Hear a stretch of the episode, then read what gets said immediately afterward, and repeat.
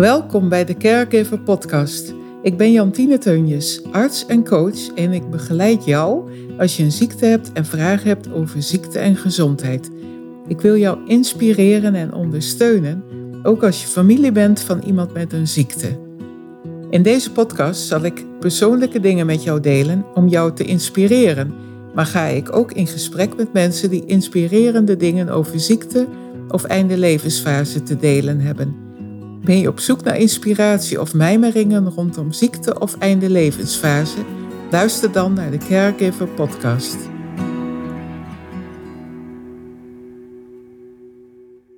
Goedemorgen, bijna middag, uh, Winnie. Ik uh, vind het ontzettend leuk dat ik jou uh, in mijn podcast mag ontvangen om een gesprek met jou te hebben over jouw, ik noem het bijna jouw favoriete onderwerp, als ik het zo mag noemen. Mhm. Allemaal dingen rondom de dood en sterven.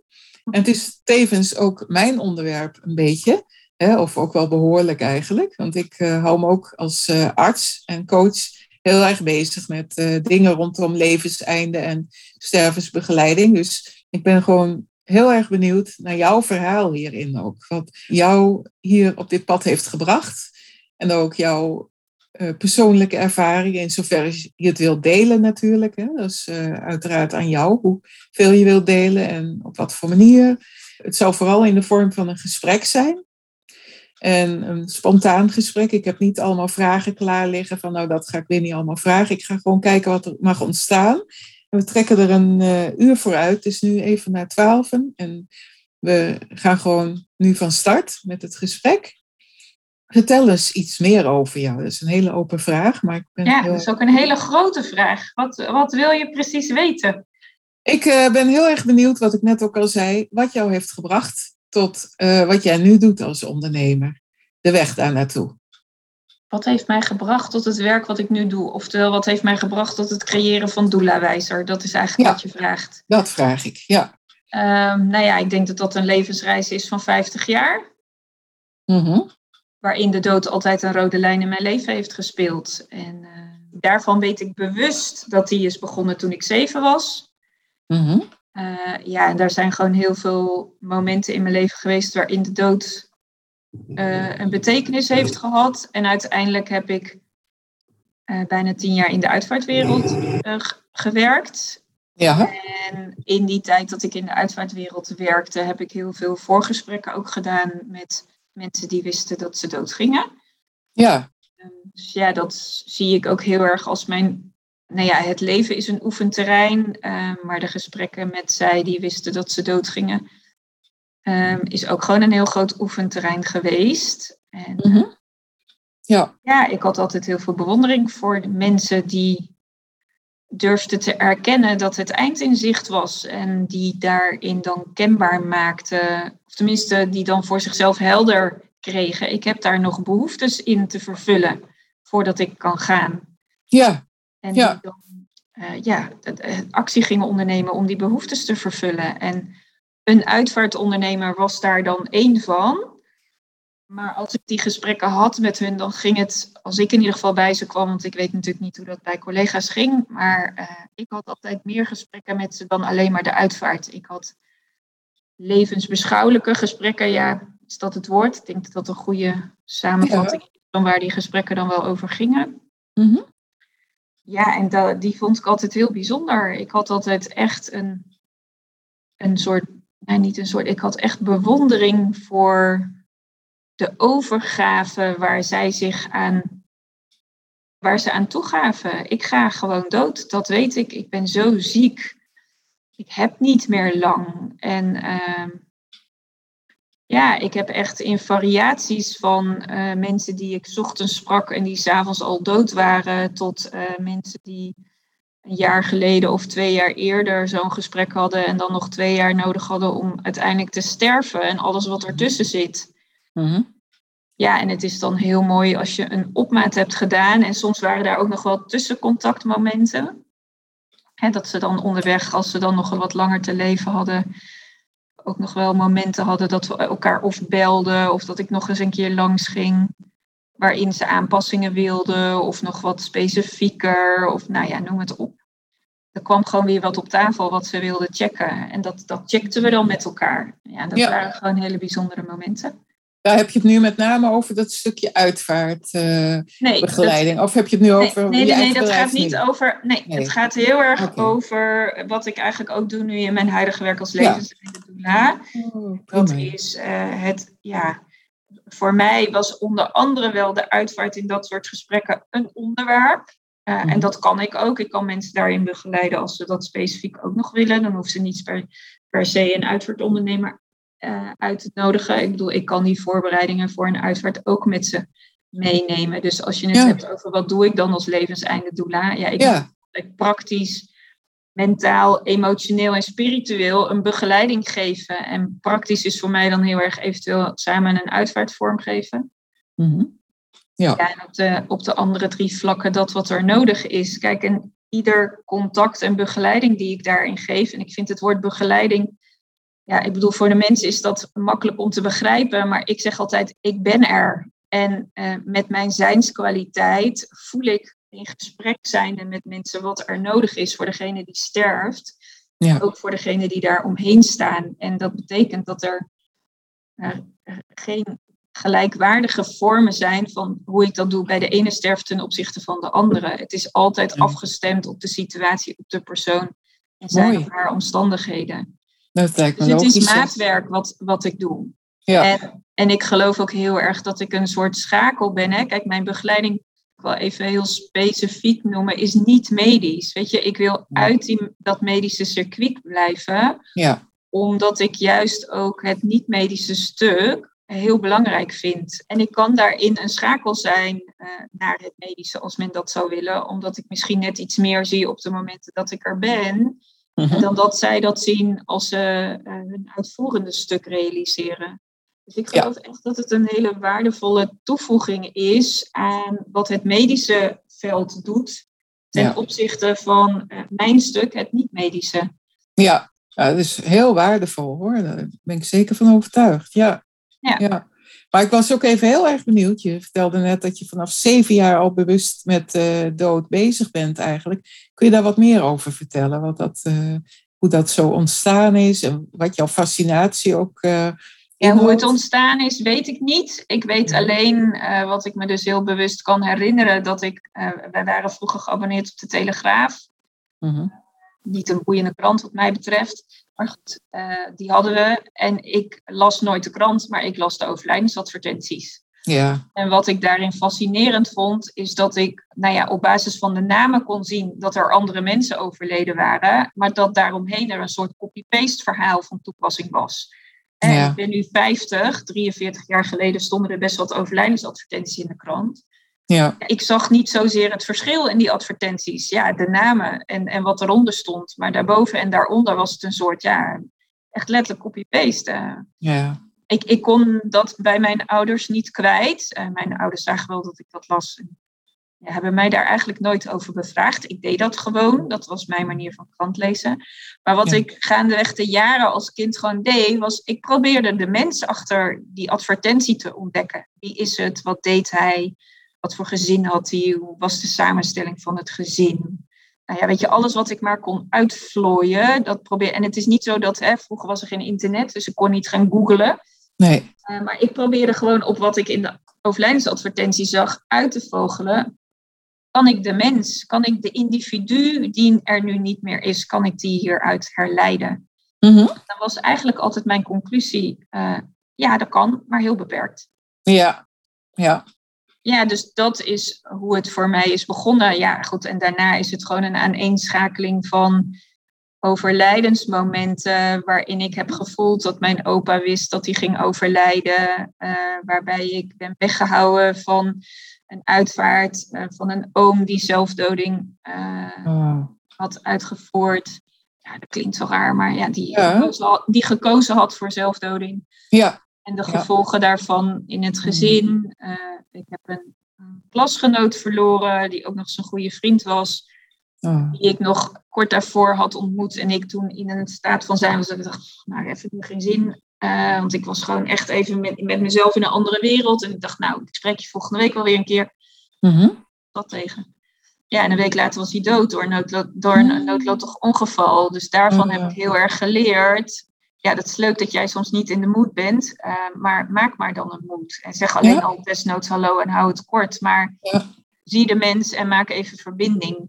Ja. Nou ja, en zo uh, kan ik nog wel even doorgaan.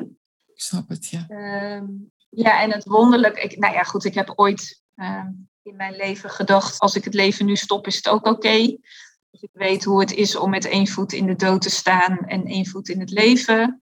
Ik ben natuurlijk uiteindelijk in de uitvaartwereld uh, terechtgekomen. Uh, daarin kon ik vooral alleen maar uitvaarten regelen als ik ook de overledene had gezien. Mhm. In welke situatie dat ook was. Hè? Want er waren best ook wel eens situaties waarin het niet uh, om nou, niet echt fijn was om de overledene te zien door de omstandigheden waar hij of zij door was overleden. Ja. Maar voor mij was het dan altijd, ook al is dat niet een prettige omstandigheid, ik wil verbinding maken met dat waarover ik mijn werk ga doen. Mhm. Waarvoor ik mijn werk ga doen. Um, ja. Omdat ik anders gewoon, anders had ik, ja, dan kon ik het gewoon niet.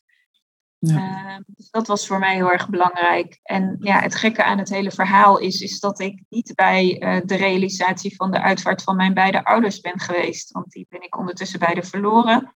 Mm maar bij het regelen van de uitvaart van zowel mijn vader en mijn moeder heb ik geen aanwezigheid gehad. Mm. Dus ik heb voor honderden mensen een uitvaart geregeld. Maar voor mijn eigen naaste uh, ja, is dat gewoon niet zo geweest. Ja. Mm. Maakt ook allemaal niet zo uit waarom. Mm. Nee. Maar het is natuurlijk best wel een gek verhaal. Uh. Ja, ja, heftig eigenlijk. Ja. Ja, ik weet niet of dat heftig is. Het is, weet je, zo is het gelopen. En uh, ik sta heel erg in het leven, alles heeft een bedoeling. Ja. Ik probeer altijd te kijken naar, uh, nou ja, soms weet ik niet de betekenis in het hier en nu als het plaatsvindt en valt het kortje later. Maar mhm. op die manier in het leven staan. En dat is ook waarom ik zo heel erg goed uh, met die dood op reis kan zijn. Omdat ik gewoon heel erg geloof dat het leven een lerende en ontdekkende reis is. Mm en daar is de dood een onderdeel van, want daar ben ik net toe onderweg. Ja. En als ik het leven uh, echt kan aankijken als een lerende, ontdekkende reis, uh, dan is alles een ervaring die een boodschap heeft. En soms weet ik nooit de boodschap in het moment, maar ja, dat kwartje valt dan wel. Dus ik heb ondertussen ook wel een levensvorm waarin ik niet kan bedenken hoe het leven eruit ziet, maar dat echt de uitnodiging van het leven naar mij is. Laat het maar ontvouwen, Winnie, want uh, je kan het gewoon niet bedenken, maar wat er nodig is, dat komt wel. En zo werkt het dus ook. Ja, en je hebt zelf, als ik jou zo hoor, ook een uh, stuk rust en vertrouwen in wat er uh, gebeurt als je overlijdt, als je sterft, als je doodgaat? Nou, ik ben ten eerste niet bang voor de dood. Uh, Ik kijk er zelfs naar uit. Dat klinkt misschien gek. Maar ik wil ook echt zonder. Hè, ik, ik, ik heb mijn uh, onderneming Doelawijzer opgericht met de missie het leven zijn de dood normaal maken. Nou, mhm. ik heb daar nog net niet in Nederland achter gehaakt. Maar goed, dat is eigenlijk wel. Uh, in Nederland wil ik dat gewoon realiseren. Mm en uh, ja, ik wil gewoon versterven. Ik wil zonder poeha, zonder medisch ingrijpen. Laat mij maar gewoon, laat het leven maar bepalen hoe ik ga sterven. En mhm. sterker nog, uh, ik heb ooit in het verleden een visualisatie gedaan waarbij ik het eindbeeld van mijn overlijden voor me heb gezien. En of dat mhm. nou een letterlijk beeld is of een figuurlijk beeld, dat ga ik ontdekken. Eh, mhm. maar dat beeld staat al vast. En heb ik dat dan als houvast dat ik daar iedere dag aan denk? Nee, tuurlijk niet. Maar het beeld geeft mij ook heel veel rust. Eh, want het beeld laat ook heel erg zien. Uh, ik, om een, even een situatie te schetsen, want de luisteraars die luisteren natuurlijk, denk ja, wat voor beeld dan? Ik, ik, het beeld dat ik getekend heb na die visualisatie is, is dat het een, een dag is met wolken aan de lucht en een zonneschijn.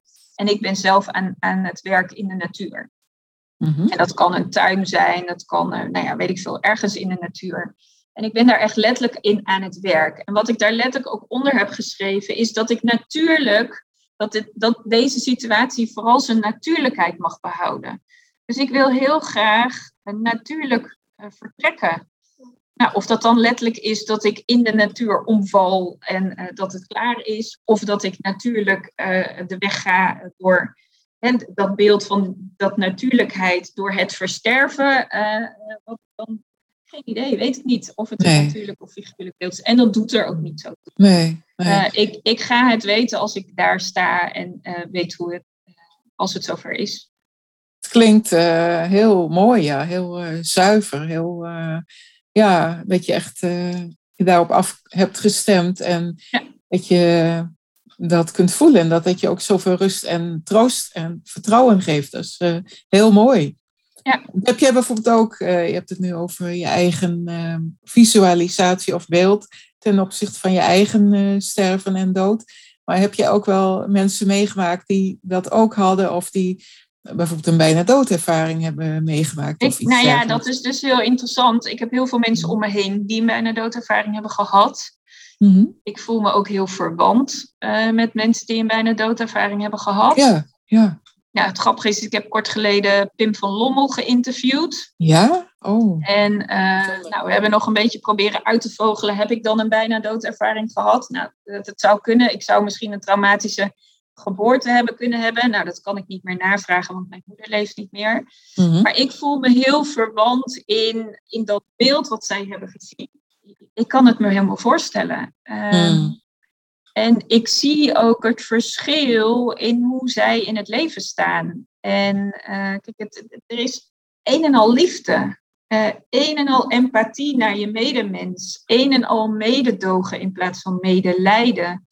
Mm -hmm. En er is zo'n saamhorigheidsgevoel als je met die mensen samen bent. Het, er, er stroomt alleen maar liefde. Dat is Mm. alleen maar wat er stroomt. Mm. Dus het is zo'n warmte als ik weer uh, zij die dat hebben meegemaakt uh, ontmoet. Ja, ik blijf dat iedere keer weer bijzonder vinden. En ja, um, ja dus, dus ja, de, de, bijna doodervaringen. Kijk, ik heb een. Uh, ik weet even niet meer hoe, hoe Pim dat noemde, maar ik heb ooit, um, toen ik in Amerika woonde, een ervaring gehad die, um, ik was op een whitewater rafting weekend. Hè, dat is um, met de, zit je in zo'n bootje, ga je door rapids, noemen ze dat. Dus dat is een golfstroom van allerlei rotsen waar je daar doorheen moet. En dan moet je dan met Oh. je bootje zo Wow. manoeuvreren, zodat je er niet uit uh, flippert, zeg maar. Zo, jeetje. Nou ja, dat was een enorme challenge. We werden ook aan het einde van uh, deze hele leuke activiteit het, het zwemteam genoemd. Want wij waren echt het meest van alle teams uit het water, uit ons bootje getjoept. Maar goed, Oh. op enig moment in een van die rapids zat één boot vast. En wij botsten daar tegenaan omdat we door de stroming van het water hun echt niet konden vermijden. Mhm. Toen heb ik letterlijk onder de boot gezeten. Dat ik echt naar boven keek en die boten zag. En dacht, oké, nou ja, weet je jongens, dit is het einde. Oh. Um, en toen vloekten ook echt allerlei mensen aan mij voorbij. En dat ging zo snel. En bij het moment dat al die mensen voorbij waren, popte ik uit het water. En zag ik mijn vriendin, die ook in dat bootje zat, tegen een rots aanknallen. Oh. Nou ja, dus daar heb ik even een moment gehad van, uh, weet je, dit. Zo van, oh, nou ja, het, het is geen bijna doodervaring, maar, oh, het, nou ja, het einde is daar. Dat was dan Ja. niet zo. Maar dat, toen was ik 22 of zo.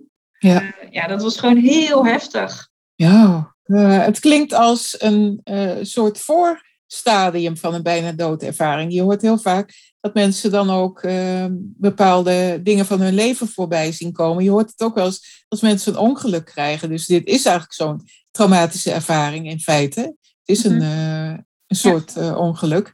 En dat hoor je vaker, ja, dat mensen dan in één keer hun leven in een sneltreinvaart aan zich voorbij zien komen. Ja, en het was, bij je... mij, ja, het was bij mij niet zozeer een leven, maar echt gewoon, ik zag allerlei gezichten van mensen voorbij vloepen. Ah, echt alleen ja. maar gezichten. En ik zei tegen ja. iedereen, doei, doei, doei. Ah. Dat was echt letterlijk wat er gebeurde. Dus niet zozeer mijn gehele leven, maar echt alleen maar Nee. mensen waar ik nog even een dag tegen wilde zeggen. Ah, ja, ja, ja, ik begrijp het. Maar dat ook hoor, dat hoor je ook wel. Ja. Maar, um, en het zou bij iedereen ook weer anders zijn, mogelijk. Ja. Maar je hoort dan dat daarna dan, als mensen echt uh, een hartstilstand hebben of iets dergelijks, dat ze dan die tunnel vaak zien en bepaalde lichtwezens. En Mhm, mhm. nou ja, hoe je dat dan ook interpreteert, daar zijn ook de mensen heel verdeeld over. Maar uh, het is wel een feit dat mensen dat gewoon gezien hebben. En uh, daar ook vaak steun uithalen de rest van hun leven. Dat ze, Nou ja, niet alleen steun hoor. Want iemand die een bijna doodervaring heeft, heeft daarmee ook doet, uh, uh, doet een trauma op. Hè? Ik bedoel, het Ja, duurt vaak ja. tientallen jaren voordat iemand een bijna doodervaring met zijn naaste omgeving kan en wil delen. Ja. Omdat zij zich zo veranderd voelen. Ja, dat weten ze in aanvang nog niet eens. Maar omdat ze zoiets mee hebben gemaakt waarvan ze de woorden nog niet eens kunnen vinden. En waarin ze het zo van in verwarring raken. Dat, dat eerst al een zoektocht op zich is van ja, wat is dit dan eigenlijk? En weet je, zij weten ook in aanvang niet eens dat het een bijna of een nabij de doodervaring heet. Weet je, dat mhm. geen idee. Dus ergens in hun leven gaan ze dat wel ontdekken. Mhm. Eh, dat dat zo heet. En dan, dan krijgt het wel zijn invulling. Ja, ja. Ook in uh, feite een diep spirituele ervaring. Hè? Dat, ja, zo kun je het ook uh, benoemen. Ik weet het ook wel van mensen die ik ken, die dat soort ervaringen hebben gehad. Ja, en dan hoef je soms niet eens een ongeluk of een bijna nee. doodervaring voor mee te maken. Maar nee. kan wel daar heel erg op lijken, ja. ja. Maar goed, het levenseinde doula, die die begeleiding voor mensen die dan op weg zijn naar het sterven, wat ik doe, dat is niet alleen maar in de laatste uh, weken van iemands leven. Hè. Dat kan zelfs al uh, starten op het moment dat iemand een hele intense diagnose heeft gehad, waarin gewoon duidelijk blijkt van ja, weet je, behandelen is gewoon geen optie meer. Mm -hmm. uh, of iemand kiest ervoor om geen behandeling meer te hebben. Uh, maar heeft dan nog wel een reis te maken naar dat einde. Nou ja, ook dan kan ik er gewoon zijn. Dus het, he, ja. vaak denken we levenseinde doelen, dat is echt voor het laatste. Maar ik zie dat graag groter. Mm-hmm. En, en, dit, dit is een van mijn activiteiten die ik doe met Doula-wijzer. Uh, want ik probeer vanuit allerlei invalshoeken die dood aan te raken in de hoop dat de mensen die mij zien vroegen, uh, van mij horen, uh, op een van die uitvoerings vormen die ik heb. Hè. Ik maak een podcast, die heet ook normaal. Ik ben nu met mhm. een congresfestival bezig, wat Nieuw Bakje Troost heeft en eind uh, oktober in Driebergen wow. bij Antropia plaatsvindt. Oh, interessant. Ja. ja, ik ben een, uh, een community begonnen die Wij zijn sterfelijk heet, om, hè, waarmee we ook het levenseinde doodnormaal willen maken, maar we eigenlijk weer terug willen brengen in, in ons leven en in de maatschappij. Ja. Um, eind november ga ik een, um, uh, een een summit of een interviewweek, net hoe je hem wil noemen, eh, samen met Diana Stassen online uitvoeren, waarin we vier bekende Nederlanders uh, interviewen vanuit diverse invalshoeken, die we dan de dood is springlevend noemen. Wow. Omdat zij allebei gewoon heel erg ervaren, de dood is ook echt leven. En leven is de dood. Ik bedoel, eh, zowel hè, die twee kanten op. Dus ik probeer echt allerlei uitingsvormen. En weet je, dus ik heb nog heel veel plannen, maar ik heb ook maar beperkt tijd. Mm-hmm. um, um, ja, het gaat voor mij heel erg over uh, de verschillende uitingsvormen waarin ik echt het verlangen heb dat mensen zich daarbij durven aan te sluiten om zo kennis over de dood tot zich te nemen. Want het liefst ga ik gewoon met iedereen in Nederland in gesprek. Dat is een beetje lastig met 17 miljoen mensen. Mm. Maar uh, nou, zij die dat willen, ik ben graag je gesprekspartner. Net zoals Fijn om te weten. met jou doe, zeg ja, maar. Ja, super om te weten, ja. En uh, ja, ik kan zeker, uh, zoals ik het zo hoor van jou, ja, lijkt het me heel fijn voor mensen om met jou te praten daar ook over. Omdat jij uh, zo'n brede ervaringswereld hebt erin, maar ook ja, heel veel erin hebt gedaan al. En ja. ook persoonlijk, hè. Persoonlijk daar dingen in doorleefd hebt, dat is gewoon voelbaar. En ik denk dat mensen daardoor ook een connectie met jou kunnen voelen als ze met ja. dit soort uh, problemen of, of, vragen zitten. Hè? Ja, nee, wat ik vaak terugkrijg van mensen. En weet je, ik, ben, uh, ik stel me daarin altijd heel bescheiden op. Dat is nog zo'n uh, mooi ding in mij. Ik, ja, mensen zeggen toch altijd, win maak je toch groter dan dat je bent. En dan denk ik, nou, nou, rustig aan. uh, ik ben er toch altijd wel een beetje bescheiden in. Maar wat, wat ik eigenlijk altijd terugkrijg van mensen, en dat was ook in de tijd dat ik in de uitvaartwereld werkte, en dat is nu weer, dat mensen zich gewoon heel veilig bij mij voelen. Dat ze voelen dat ze alles kunnen zeggen. Uh, uh, dat ik niet oordeel. En dat echt letterlijk alles er kan zijn. Mm-hmm. En dat ze zich daardoor heel geborgen voelen door mijn aanwezigheid. Ja, dan uh, val ik gewoon stil en dan denk ik, oké, okay, dankjewel. Uh, en dan vind ik het fijn dat ik er voor je kan zijn. Dus op die manier uh, ja, is dat wat ik terugkrijg van mensen. En dan denk ik, ja, dat is denk ik het allerbelangrijkste. Je moet je veilig voelen en vertrouwd voelen met, met diegene die jij op een heel cruciaal moment in je leven toegang verleent op iets heel essentieels. En ehm, ja, ik ben het onder andere nu wel een beetje gaan zien. Kijk, in, uh, toen ik uitvaartverzorger was, was ik er natuurlijk op het moment dat iemand al gestorven was. Ja. Ik zit nu gewoon in dat voortraject. En ja. dat is nog niet zo bekend in Nederland. Uh, kijk, we hebben natuurlijk heel veel stervensbegeleiders, zoals we die noemen, maar veel van die mensen zijn medisch onderlegd. En, en ik geloof niet zozeer in het woord stervensbegeleider, want waarom klopt dat woord levenseinde doula voor mij? Er komt een einde aan een leven. Mhm. En ik vind die dankbaarheid naar dat leven in dat laatste moment, dat is echt, hè, je hebt iets prachtigs op de wereld gezet waarvoor je hier bent geweest. Mhm. En waarom noem ik mezelf dan een doula? Omdat doula echt een heel oud Grieks woord is waarin die oude wijsheid zit. En die oude wijsheid gaat gewoon heel erg over, je bent een deskundige, wijze vrouw die op hè, dat spirituele, mentale en emotionele vlak dat kan eventueel ook praktisch en financieel hè, nabijheid kan verlenen aan zij die sterven. Mhm. En ik geloof heel erg in die oude wijsheid die wordt terugkomen. Hè, net zoals dat de geboortedoelen dat doet bij geboorte. Dat we dat ook weer bij het levenseinde mogen. En dan niet vanuit die medische invalshoek, maar echt vanuit het niet-medische. Omdat we daarin gewoon ehm, ja, dat belang. Uh, ik denk dat we het wel zien, maar dat we het ook spannend vinden om dat aan te gaan. Ik mhm. heb dat gezien in het regelen van uitvaarten, ook hoeveel schuring daar kan plaatsvinden en eventueel heel veel emoties op tafel komen. Ja, dat is zeker pittig. Maar het is mhm. ook heel mooi als je dat met elkaar kunt aangaan en af en toe ook gewoon met elkaar in die schuring kan zitten. Want er is, ik geloof heel erg dan, dat in dit soort processen heel veel schoonheid zit. Die voor de naasten die achterblijven uh, uit te halen is. En ook voor degene die vertrekt. En kunnen we dan alles oplossen? Nee. Nee. Dat is niet altijd mogelijk. En dat hoeft ook niet altijd. Mhm. Maar kunnen we daar iets in doen? Ieder stapje is er één, zeg ik altijd maar. En wees mhm. dankbaar voor dat wat je kunt betekenen. Dus ja. weet je, op die manier sta ik er gewoon heel erg in en uh, hoop ik er voor mensen te mogen zijn.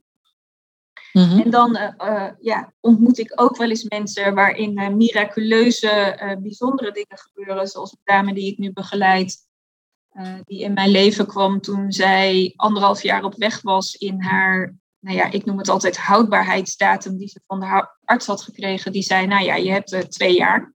Dat is het, zeg maar. Mm. En in die twee jaar, uh, afgelopen zomer, ging ze over haar houdbaarheidsdatum. Mm. nou ja, dat is natuurlijk al bijzonder. Je krijgt de boodschap, je hebt twee jaar en dan ineens komt die dag van twee jaar geleden en die ga je voorbij en je blijft leven. Nou, dat is toch al mm. gek.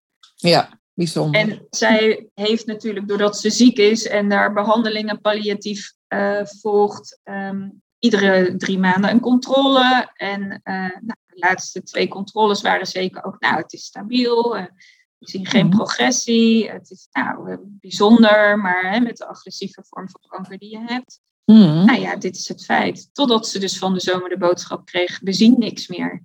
Het is weg. Oh.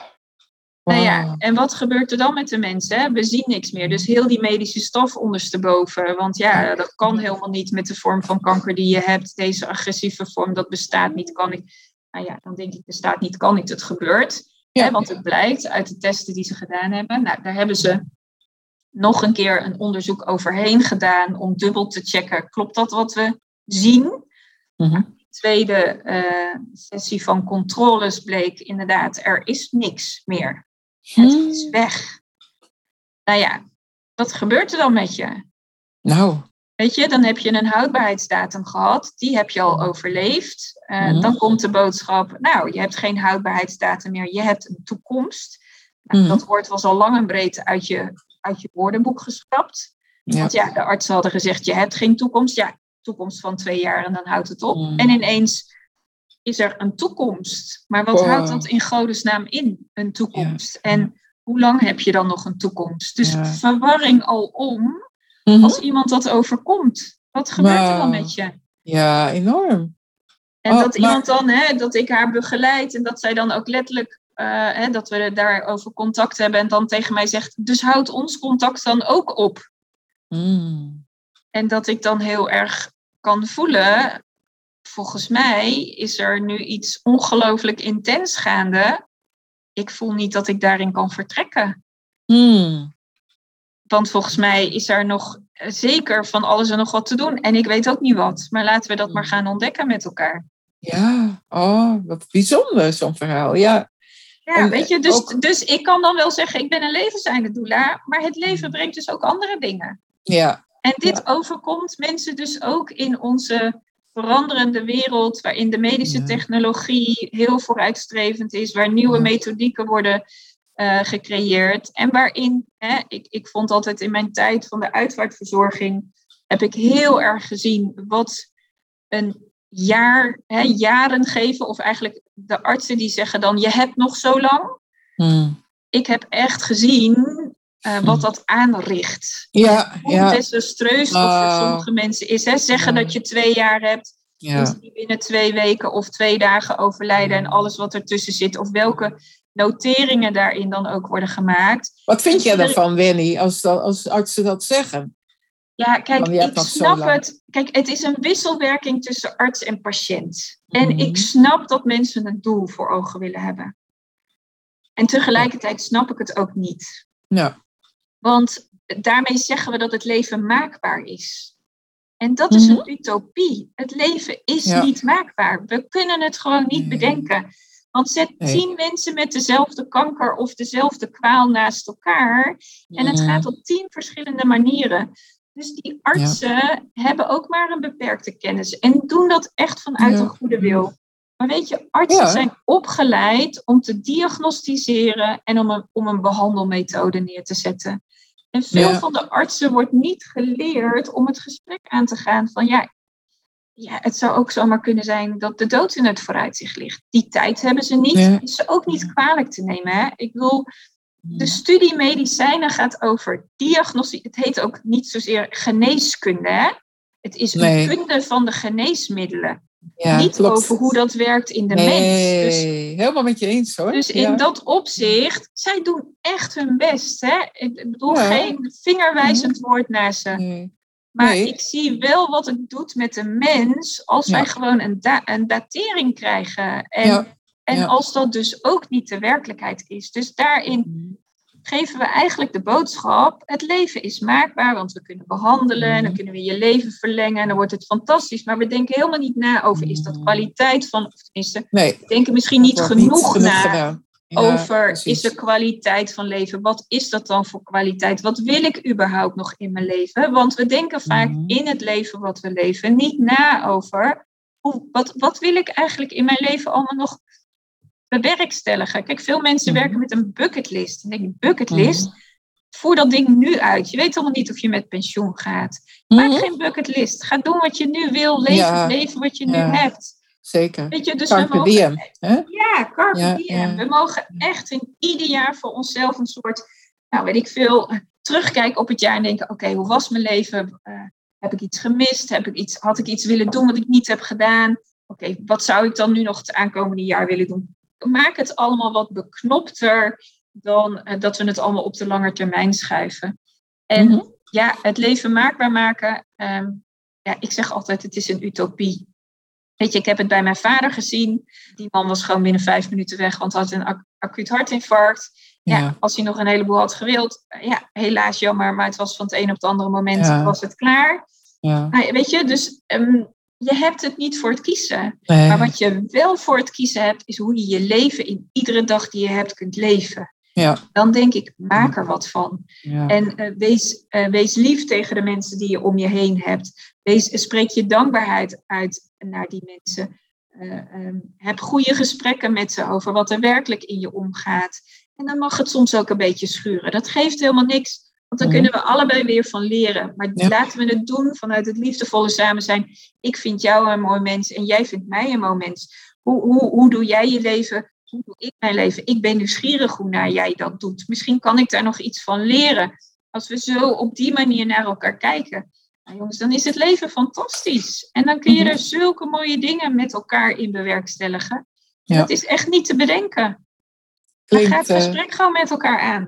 Ja, dat is inderdaad een hele goede levenshouding, waar ik ook helemaal achter uh, kan staan. Ik moet zeggen dat ik zelf als ouderenarts al, toen ik in loondienst was, ook al uh, daar een stuk mee bezig was. Dat wij als ouderenartsen al een andere positie daarin innemen dan de ziekenhuisarts in het algemeen. Dat die veel meer bezig zijn met uh, hoe kunnen we mensen ja, men denkt dan genezen, maar in feite is het oplappen. Hè? Ja. En dingen verdoezelen, wegdrukken. Dat is eigenlijk wat er gebeurt. En dat kan heel goed zijn hoor. Dus ik, ik zeg helemaal niet dat het fout is om bepaalde medicijnen in te zetten. Het kan heel uh, waardevol zijn om een kanker uh, onder controle te krijgen. Maar is meer. Er is een dimensie meer.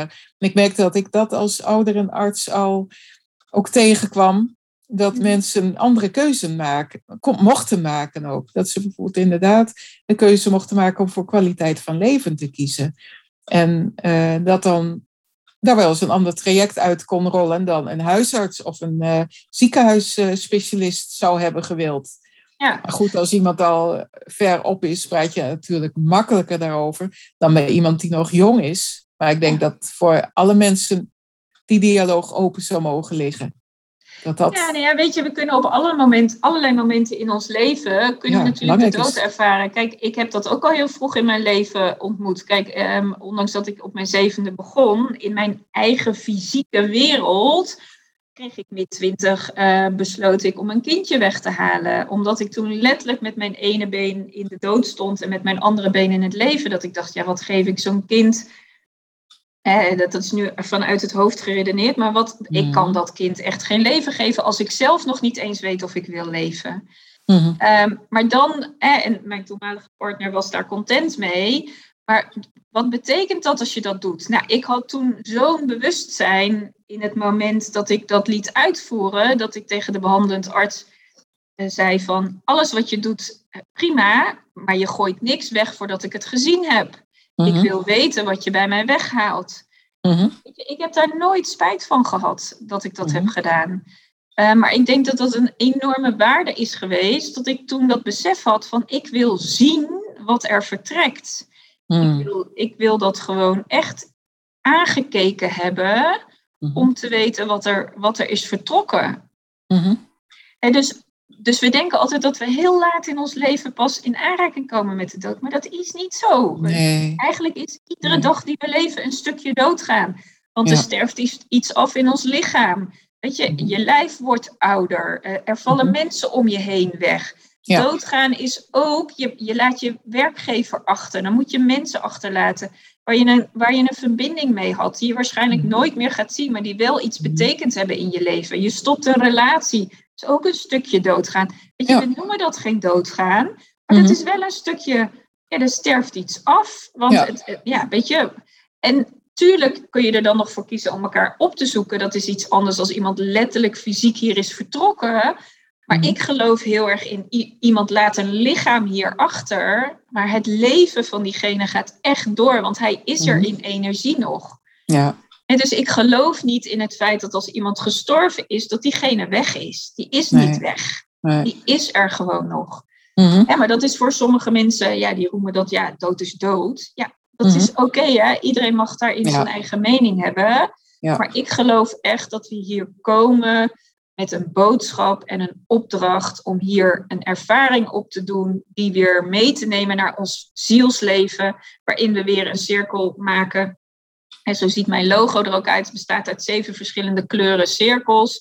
Omdat mhm. ik geloof, alles in het leven is een, is een, een vicieuze cirkel. We maken iedere keer mhm. allerlei rondjes. En ze noemen dan in het leven, er zijn altijd die zeven verschillende levensfases. En zo, mhm. zo voel ik echt dat alles in het leven gaat. En die kun je soms in hele grote hè, zeven fases zien. Als uh, van 0 tot 7, van 7 tot 14, enzovoort, enzovoort.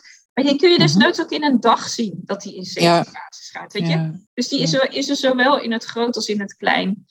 Maar ik weet je, ook in mijn werk, ik, ik sluit me aan daar waar mensen zijn.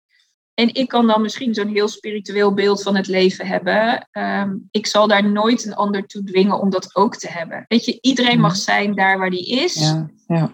En uh, zij die ik ontmoet, um, ja, ik geloof dat wij daarin gewoon iets voor elkaar te betekenen hebben. En laten we daarin elkaar verder helpen. En dan vind ik het zo mooi dat mijn bedrijfsnaam dan zo in uiting komt. Hè. Ik ben daar als doula, als die wijze vrouw die gaat voelen en ervaren wat is hier nodig in deze situatie.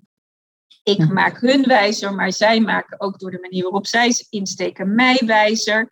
Ja. Het, tweede deel van mijn bedrijfsnaam. En zo maken wij onze vicieuze cirkel van dat we met elkaar op reis zijn weer rond. En met dat, dat met hun is afgerond, ga ik weer naar de volgende en neem ik de kennis die ik daar heb opgedaan weer mee naar de volgende. En zo blijf ik iedere keer weer een cirkeltje draaien, waarin ik iedere keer ook mezelf weer verrijk met kennis. Want weet je, ik ben ook gewoon een in beweging zijn en lerend wezen. Ja. En dat zal ik blijven totdat ik ook sterf. Mm En daarna ook weer. Ja, en daarna ook weer. En ondertussen leer ik van alles en iedereen die op mijn pad komt. Ja, ja. Want eh, jij, als ik jou zo hoor, denk ik ook, heb ik het idee, maar als het niet zo is, dan moet je dat zeggen, dat jij ook tijd als een uh, cirkel ziet, circulair. En niet als een uh, van A naar B gaan, maar als een cirkel die telkens weer terugkeert en rondgaat. Zo zie ik dat ook hoor. Dus daar kan ik me ook in vinden. Ja. ja. En ook hier en nu is het enige wat eigenlijk is. En... Gisteren is weg, morgen is het geen idee. Er is alleen maar nu. dit, mhm. dit, is, dit is wat er is. Ik ben nu in gesprek mhm. met jou. Geen idee wat er mhm. straks komt. Nee. Geen idee.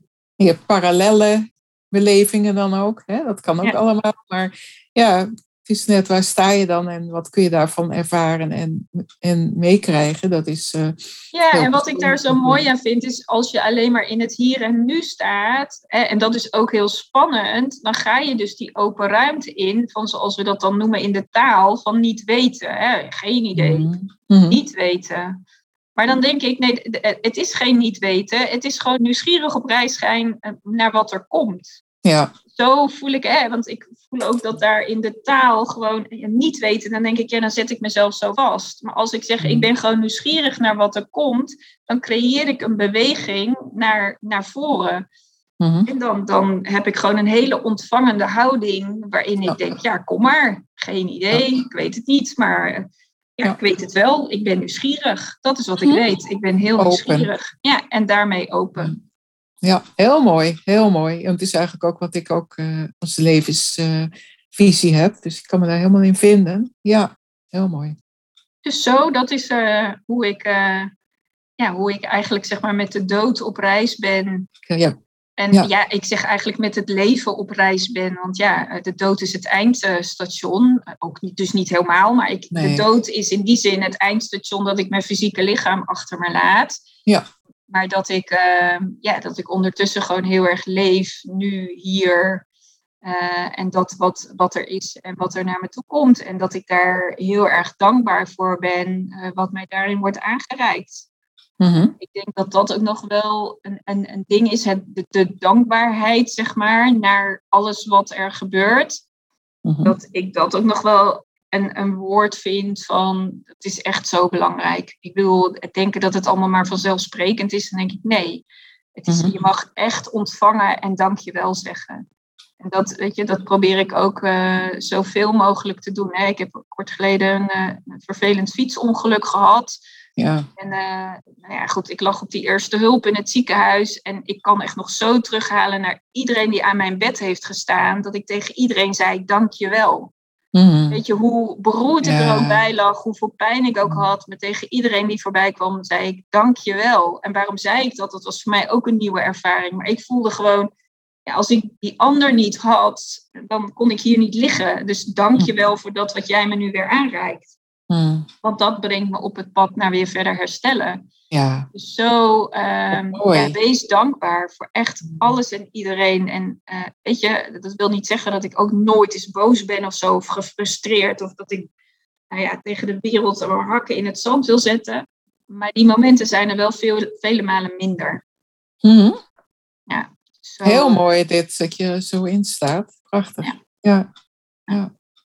Dus ja, ik weet niet wat je nog meer van me zou willen weten, maar uh, heb je zo een beetje een beeld of een, nou ja, wat het beeld wat je graag wilde ophalen bij mij? Ja, zeker hoor. Ja, ik, uh, ik vind het heel. Waar, waar, ik nog even op in zou willen gaan. En dat is eigenlijk ook iets. Eh, mag je zelf uh, kijken of je dat uh, wilt delen nu of niet.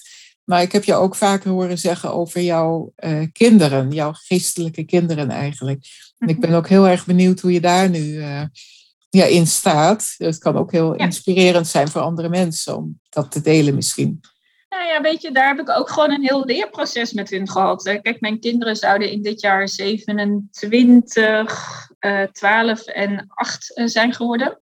Mm -hmm. Dus het is al wel echt iets wat al lang in mijn leven zit. Nou, ben ik echt pas vanaf 2016 hun veel meer gaan voelen. Uh, en echt ook meer contact met ze gaan maken. Ja, en eigenlijk heel kort gezegd, eh, mede dankzij hun bestaat Doelawijzer. Uh, zij mhm. waren bij de creatie van mijn bedrijf. En zij zijn gewoon, ja, ik noem ze mijn gidsen, mijn engelen. Ja, ze, ze, zijn er gewoon altijd. En het emotioneert me soms ook als ik het weer over ze heb.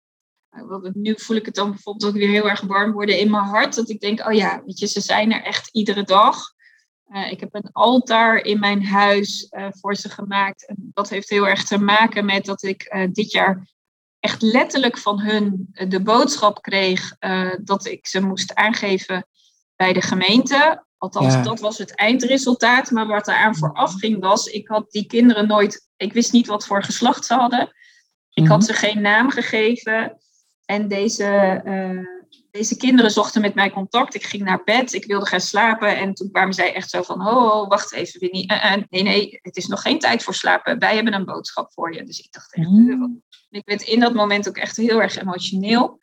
Dan vragen mensen wel eens, ja, hoe had je dan contact met ze? Nou, er was gewoon echt een stem om mij heen, met alle drie door elkaar heen kwetterend. Oh. Die mij aan het vertellen waren, ja, eh, wij willen graag een naam, want we zijn wel een beetje klaar met onzichtbaar, spiritueel, ongeziene kinderen. Wat een bullshit, dat was een beetje de boodschap. Mm. En uh, wij zijn meiden. Zo, dan weet je dat tenminste ook. We hebben een geslacht, we zijn meiden en wij willen graag een naam. Mhm. En als je die naam hebt uh, gevonden voor ons, dan uh, willen we graag aangegeven worden bij de uh, burgerlijke stand, want dat kan tegenwoordig. Want dan zijn we tenminste niet meer in die onzichtbare wereld. Want daar zitten we helemaal niet, want we zijn er gewoon. Dat was eigenlijk mhm. letterlijk wat ze tegen me zeiden. Ja, ik ben daar echt drie dagen totaal van, van mijn padje af geweest. Dat ik echt dacht, mhm. wat gebeurde er nou eigenlijk? Toen heb ik het uiteindelijk op social media gedeeld. Eh, dat dit gebeurd was. En, en toen is eigenlijk de, de creatie van de namen begonnen. En uiteindelijk heten deze meiden nu Morna, dat is de oudste van 27, Brie, dat is de middelste, en Lux. En um, ja, ik zie altijd heel erg de betekenis in worden. Het zijn sowieso allemaal Keltische namen. Uh, ik heb iets met ja, de oude tijd, de Keltische tijd. Ik heb iets met Schotland. Ik voel me daar gewoon, ja, ik weet ook in een vorig leven heb ik daar geleefd. Het moesten voor mij echt uh, namen uit die wereld zijn. En wat ik zo mooi vind is de betekenis van hun, hun namen. Morna betekent geliefd. Bree betekent eervol. En Lux is brenger van licht. En dat is echt letterlijk wat deze meiden in mijn leven brengen. Ze zijn geliefde, eervolle lichtbrengers. Niet alleen voor mij, maar ik geef dat dus ook weer door aan anderen. En het enige wat mij daarin gevraagd wordt, is dat ik voel wat er nodig is. En dat ik daarmee dan kan uitgeven wat, voor, ja, wat er bij de ander ontvangen mag worden. En, uh, en daar helpen zij mij bij. Mooi een soort gidsen voor jou, als ik het zo ja, ze zijn, ja, ze zijn echt een soort gidsen voor mij. Zij horen gewoon bij mijn leven. Ehm, ik kan dan wel niet zichtbaar een fysiek kind laten zien, maar dit zijn kinderen die heel kort op deze aarde moesten zijn om hier een, hun les op te halen of wat ze wilden leren. En daar was gewoon een hele korte aanwezigheid in mijn lijf voor nodig. En daardoor konden ze weer naar de zielswereld om daar weer hun, nou ja, hun vervolg te maken. Mm En uh, ja, daar heb ik drager van mogen zijn om hun even hier op deze aarde uh, die aanwezigheid te geven. Ja, en ondertussen reizen zij met mij mee. En uh, ja, ben ik gewoon heel dankbaar dat ik, hoe heftig hè, deze alle drie losse ervaringen ook zijn geweest, uh, ben ik gewoon heel dankbaar dat zij in mijn leven zijn. Mooi. Ja. Bijzonder hoor. Ja. ja. Ik dacht, dat wil ik toch nog heel graag even aan je vragen. Hè? Want ja had ik je wel eens over horen praten in je podcast. Ja, ik ben daar altijd heel open over. Ik, uh, ik ben steeds meer in mijn leven gaan ontdekken dat geheimen hebben en houden, uh, dat dat toch, ja, ik noem dat dan, uh, dat dat gaat etteren in je lijf, dat dat gaat etteren in je hele zijnskwaliteit. En dat dat zo je eigen bewegende ja, wereld, of wat je hier mag komen brengen, dat je dat, ja, dat, dat dat in de weg kan zitten. En mm je, je kunt dus, dus daarin heb ik ergens onderweg in mijn leven keuzes gemaakt om steeds meer in de openheid te brengen. En daar heb ik gewoon ook steeds mijn stappen in gemaakt. Mm Ja, en uh, ja, heel bijzonder. ja. En dit kan andere mensen ook weer uh, inspireren, hè? die uh, zelf in uh, bepaalde dingen zitten, die dingen moeten verwerken. Of, ja.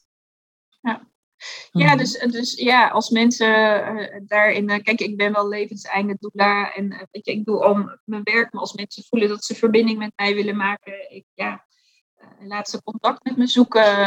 Ehm, ja.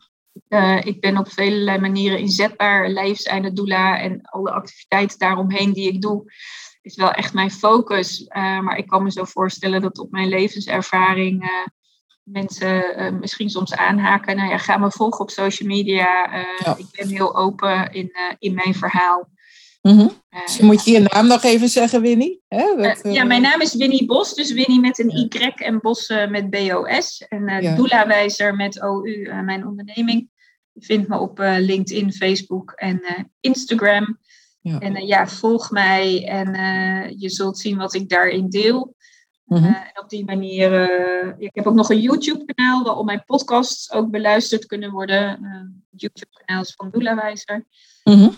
ja, en op de, de, de, de podcastkanalen hè, kun je de Dood Normaal vinden, waar ja. iedere week een nieuwe aflevering wordt gepresenteerd. En Mhm. Die afleveringen gaan dan over, hè, wij hebben daarin ook een gesprek gehad, ja, waarin ik professionals uh, interview die in aanraking komen met de dood. En mhm. waarin ik persoonlijke verhalen rondom uh, het thema ophaal. Uh, en ook allemaal dus in die bedoeling dat mensen, als ze behoefte hebben aan een verhaal, dat in hun eigen setting of met iemand die hun dierbaar is of waar ze zich veilig in voelen, verhalen rondom het thema de dood zelf kunnen ophalen.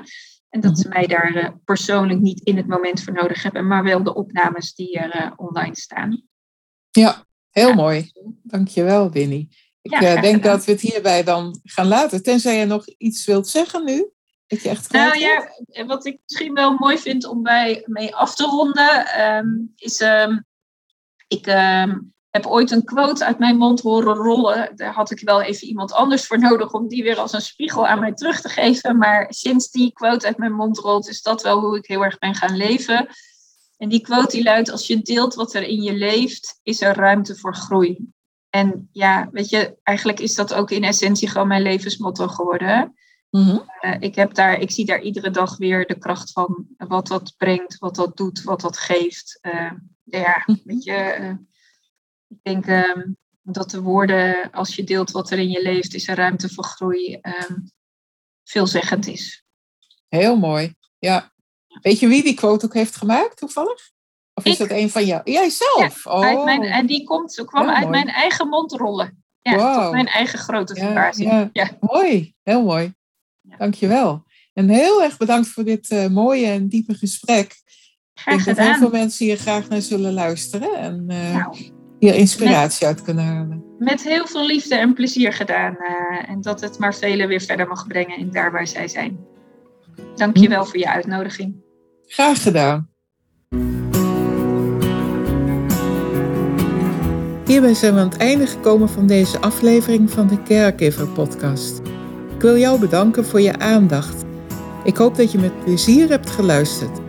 Als je het fijn vond om te luisteren of deze aflevering inspirerend vond, zou ik het heel erg op prijs stellen als je dan een review achterlaat op iTunes of de Apple Podcast app. Zo wordt de podcast door andere mensen nog beter gevonden. Deel de podcast in je netwerk of stuur hem door naar iemand die dit mogelijk interessant vindt. Verder wil ik jou naar mijn gratis Facebookgroep verwijzen, waarin ik jou nog meer kan inspireren. Over twee weken is er weer een nieuwe aflevering.